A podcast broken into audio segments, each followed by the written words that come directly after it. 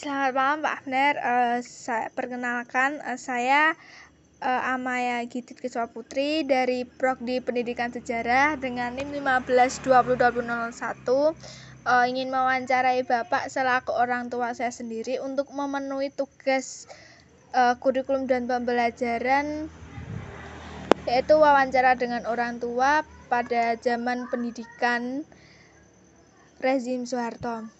Baik, saya akan mengajukan lima pertanyaan. Mungkin Bapak bisa menjawabnya satu persatu atau mungkin secara langsung. Yang pertama itu eh, bagaimana sistem pendidikan pada era Soeharto? Dan ini mau Bapak jawab langsung atau mau semua pertanyaan saya ajukan nanti dijadikan satu? Eh, satu-satu saja. Ah, baik, berarti pertanyaan yang pertama tadi ya Pak, eh, bagaimana sistem pendidikan era Soeharto? Uh, sistem pendidikan pada zaman atau era daripada uh, Presiden Soeharto itu sistem pendidikannya itu mengacu kepada garis besar uh, pembelajaran yaitu mengacu kepada kurikulum dengan garis besar uh, kurikulum namanya GIP saya agak lupa. Tapi menurut saya itu ada garis besar atau petunjuk-petunjuk untuk kurikulumnya. Nah untuk sistem kurikulum zaman uh, saya kecil itu modelnya begitu.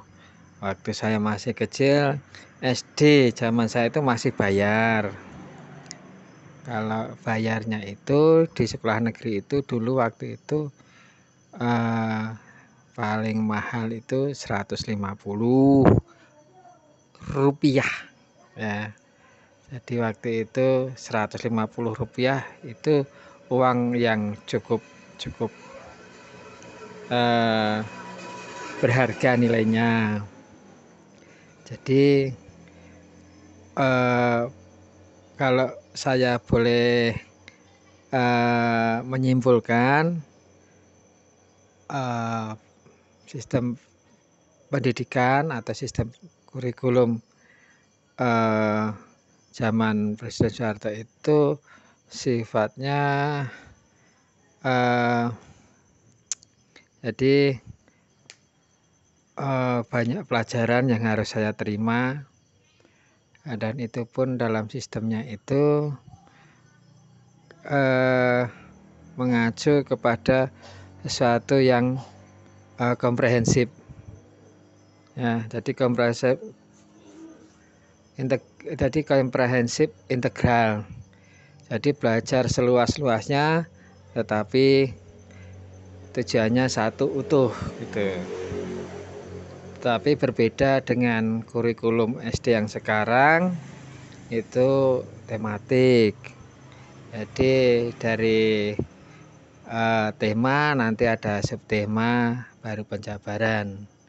Itu sistem pendidikan dan kurikulum pada rezim Soeharto.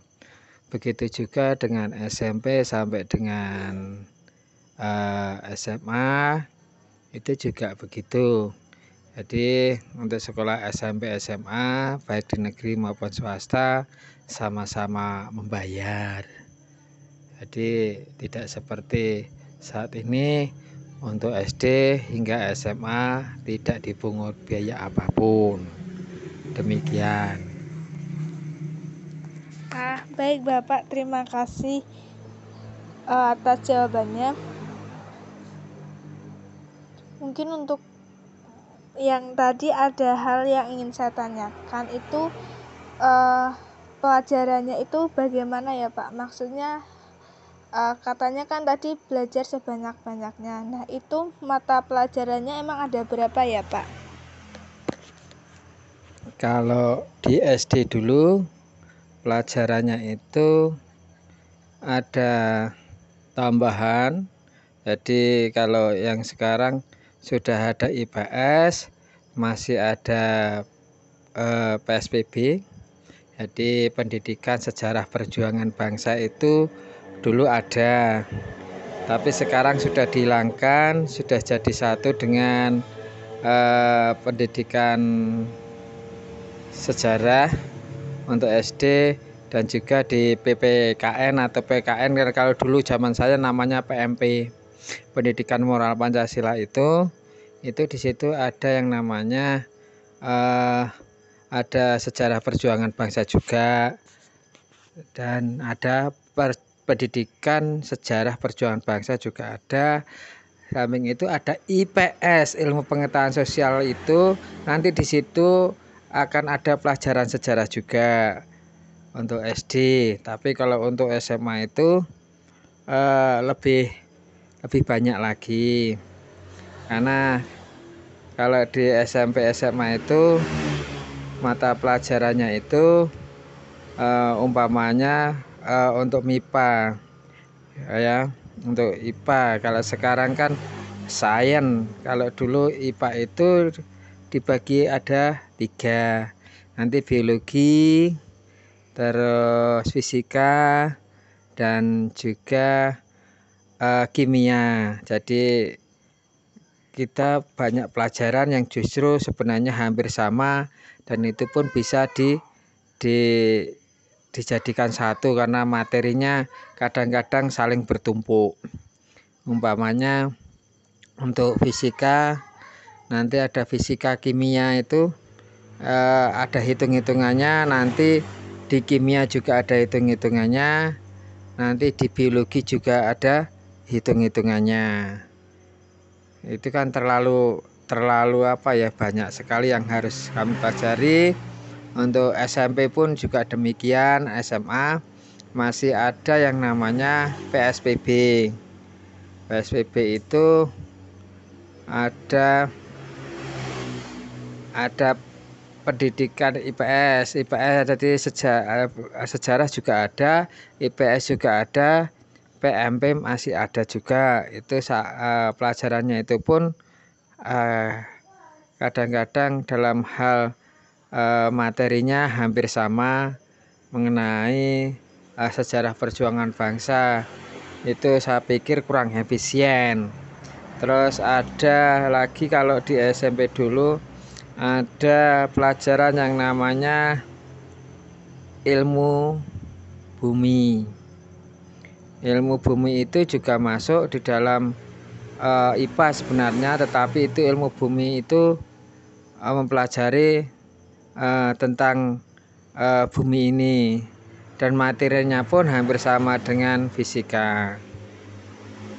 Di fisika juga ada eh, tentang ilmu bumi dan juga ruang angkasa tetapi pelajarannya terlalu banyak untuk untuk yang lainnya itu sebenarnya sampai sekarang masih ada hanya saja diper dipersingkat atau di eh, diringkas. Jadi kalau yang zaman saya waktu masih sekolah itu terlalu banyak pelajaran yang harus kami pelajari tetapi pada dasarnya sebenarnya sama. Tuh. demikian baik Bap ya uh, baik Bapak. Terima kasih atas jawab penjelasan dari pertanyaan yang pertama. Kemudian pertanyaan yang kedua itu saya ingin mengajukan apa sih hmm, yang dimaksud yang dimaksud dengan P4 dan bagaimana dalam pelaksanaannya pada zaman rezim kurikulumnya Pak Harto? Mungkin bisa Pak.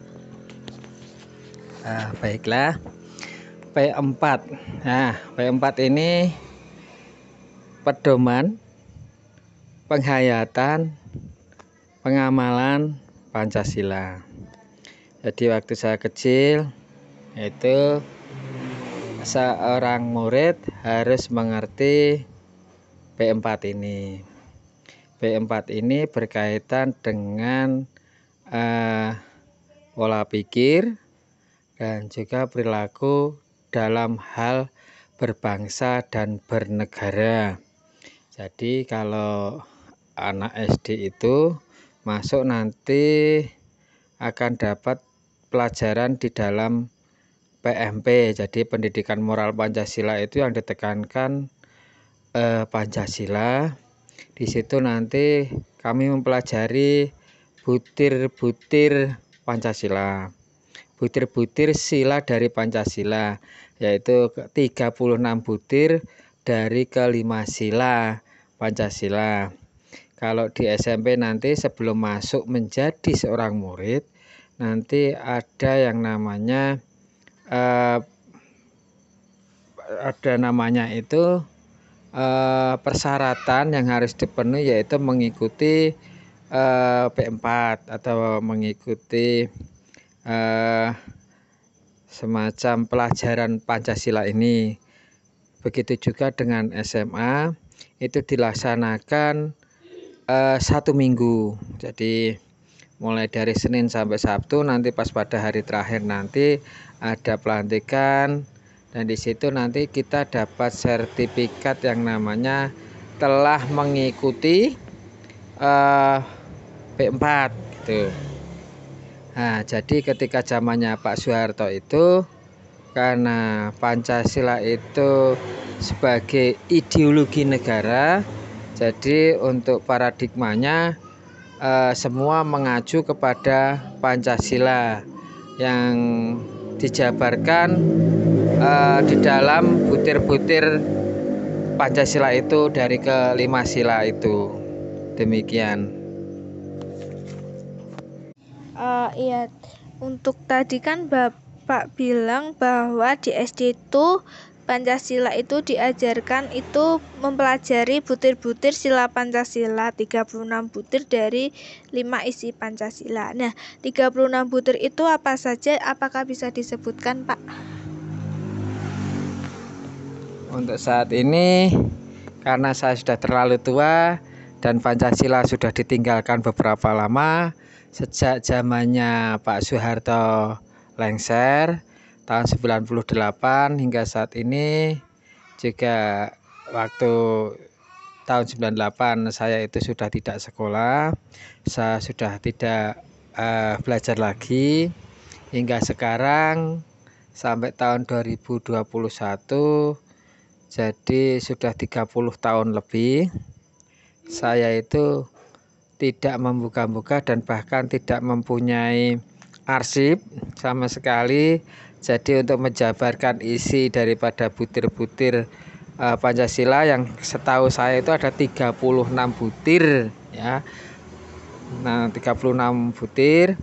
Jadi nanti di sila pertama ini ada berapa butir, sila kedua ada berapa butir, sampai seterusnya yaitu sila kelima nanti ada berapa butir dan itu sebenarnya isinya itu uh, hampir sama.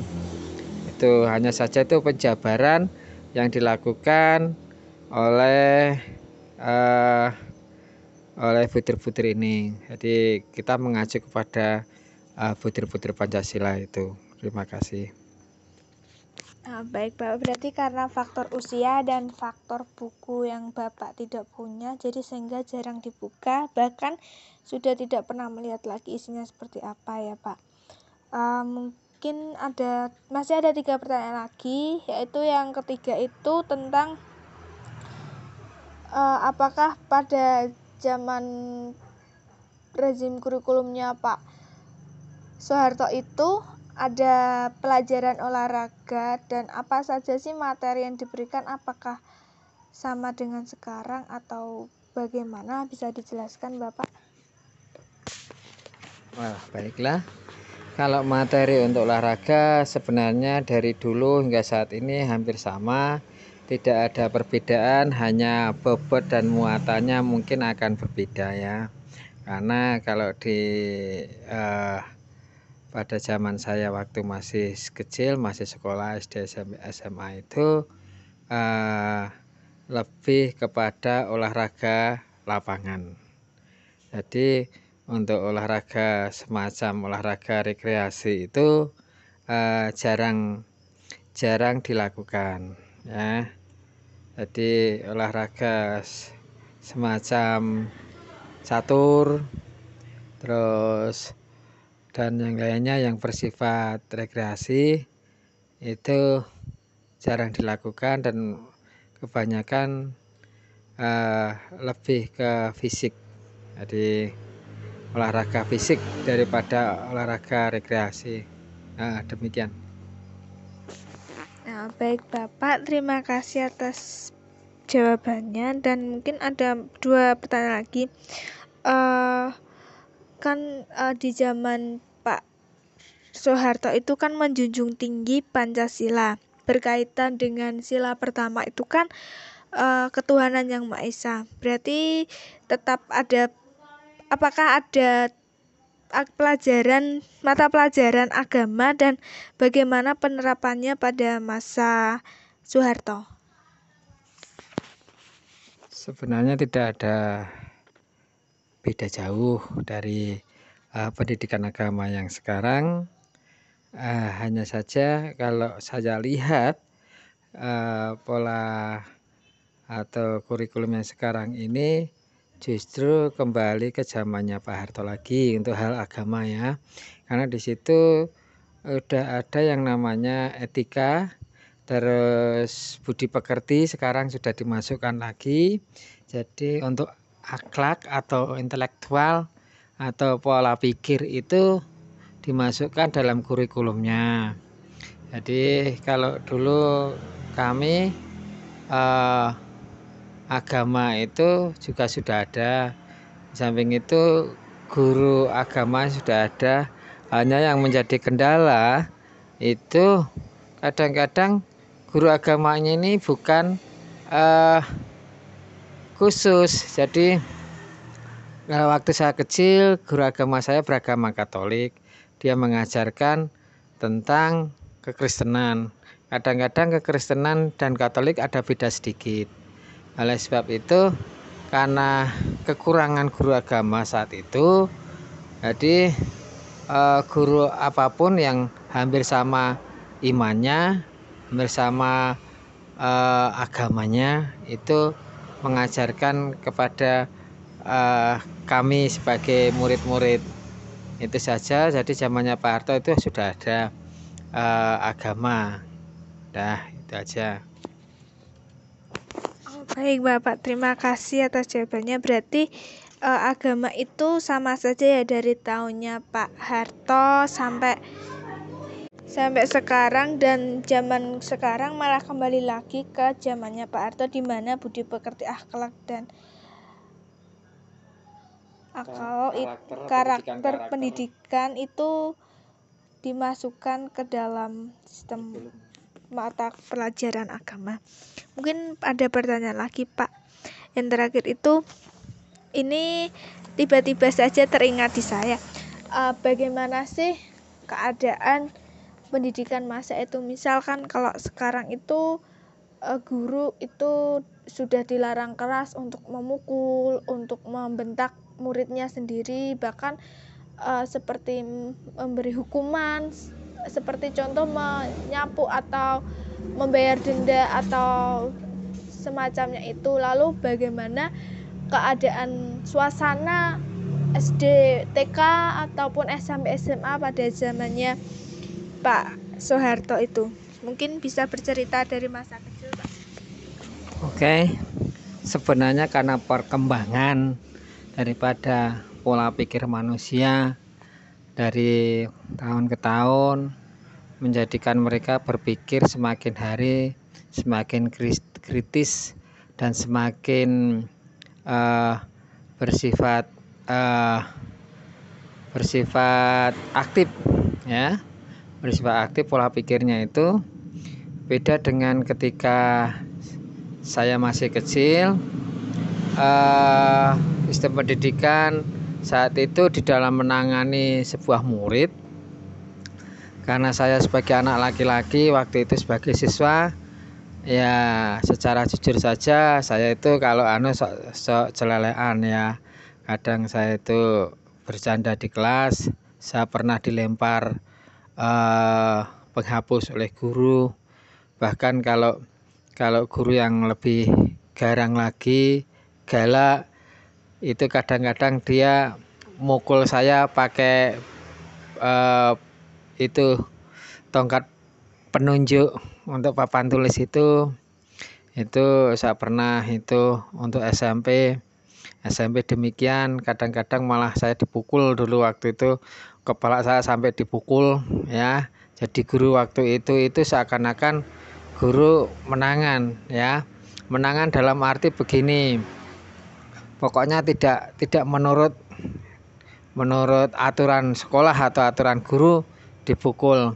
Demikian juga waktu zaman saya SMA ketika saya terlambat untuk datang untuk ya oh, pendidikan olahraga waktu itu uh, guru olahraga saya ini mukul saya.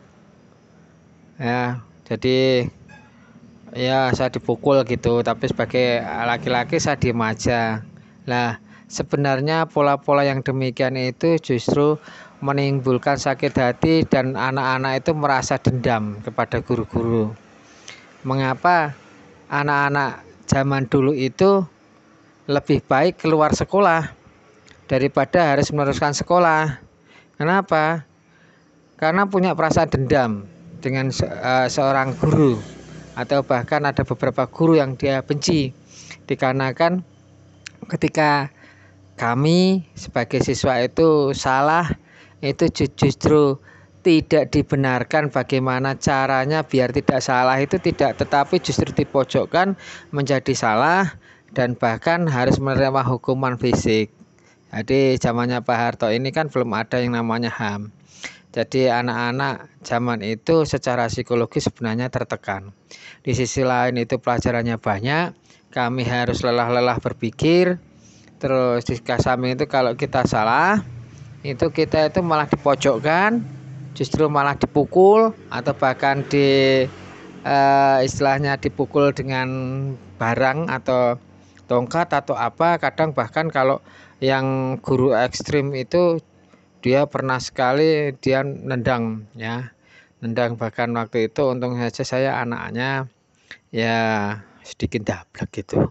Jadi uh, sebenarnya kalau saya pikir itu kurang bagus. Karena memang zaman itu memang guru itu seakan-akan superior. Jadi guru itu secara fisik dia men harus menang dengan murid ataupun uh, dari pola pikir pun harus menang. Jadi perbuatan apa pun uh, murid tetap salah. Gitu.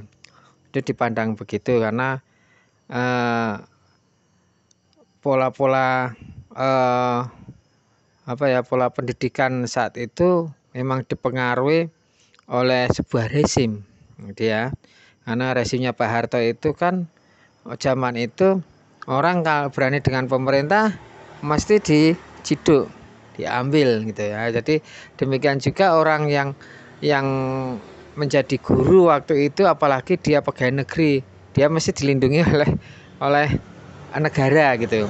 Ini hanya pola pikir saya saja ketika saat itu loh kenapa guru bisa sekejam itu? Itu yang menjadikan saya tidak habis pikir gitu.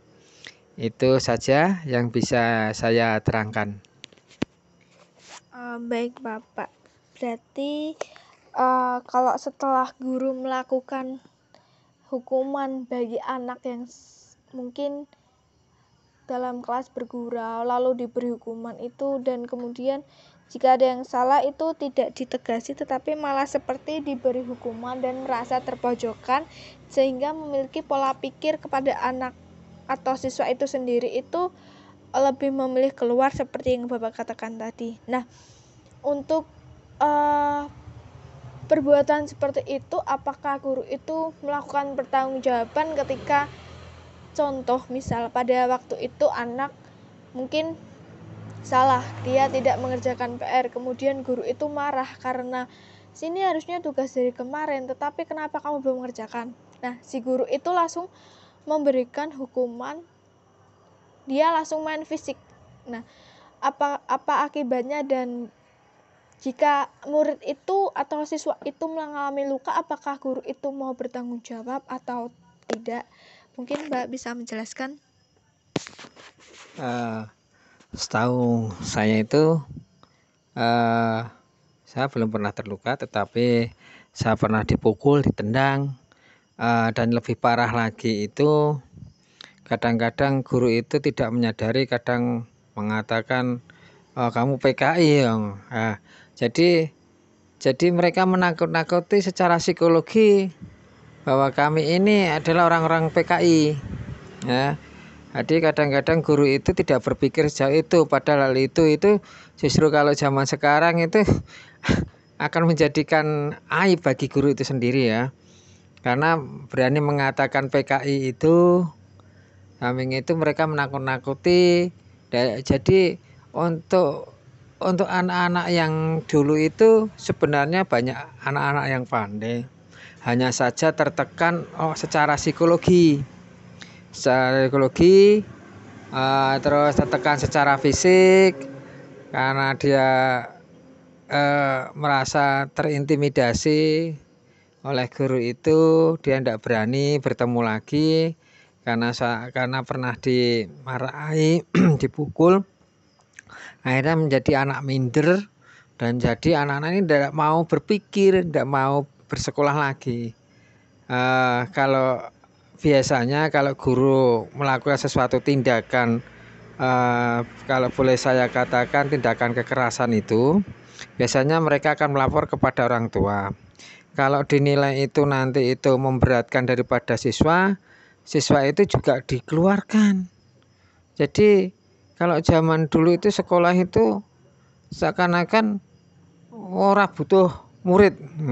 Kadang-kadang itu pola-pola guru seperti itu begitu zaman Resim Pak Harto. Jadi kowe butuh sekolah ya mangkata orang butuh sekolah ya balio hmm.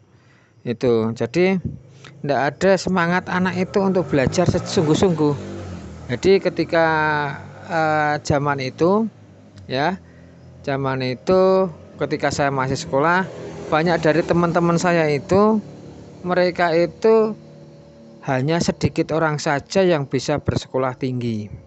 Artinya mereka lebih baik cari uang ya daripada sekolah itu nanti ketemu guru yang pernah memukulnya atau guru yang pernah memarahi. Dan bahkan ketika kami sebagai siswa guru itu justru memojokkan lagi di hadapan orang tua jadi ketika jadi ketika sampai di rumah kita malah dimarahi orang tua jadi kita itu double ya double di dalam kita itu tertekannya di sekolah ditekan nanti di rumah kita tertekan Nah, kalau seperti saya dulu bapak saya tentara, saya sampai sampai di rumah saya malah diajar itu. Dan itu kalau saya pikir-pikir sampai sekarang hal itu sebenarnya salah. Hal itu tidak baik. Sampai sekarang saya juga berpikir Wah jangan sampai lah anak-anak mosok merasa bersalah malah dipukul sampai di rumah. Di sekolah juga sudah dipukul sama gurunya, di rumah dipukul sama orang tuanya. Tidak ada tempat bagi anak ini untuk mengadu dan tidak ada tempat bagi aman. Jadi anak merasa tidak aman. Jadi secara psikologi tertekan mau belajar jadi males. Asal-asalan saja. Kalau itu pun sudah belajar sampai sampai bisa naik kelas itu wah puji Tuhan itu. Ya begitu.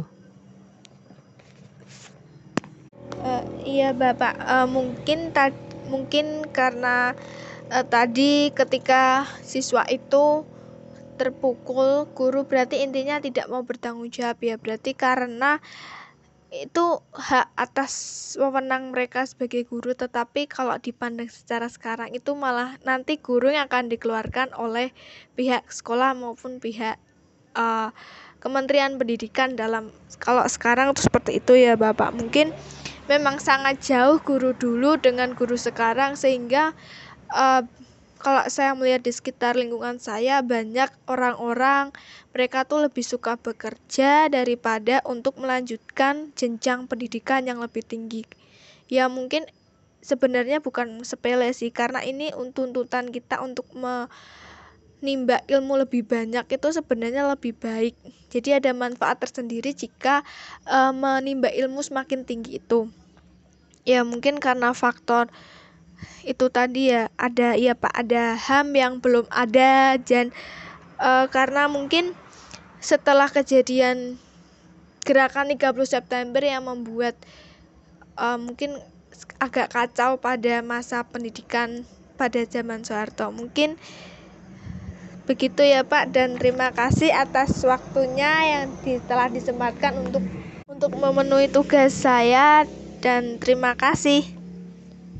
Uh, boleh saya tambahkan?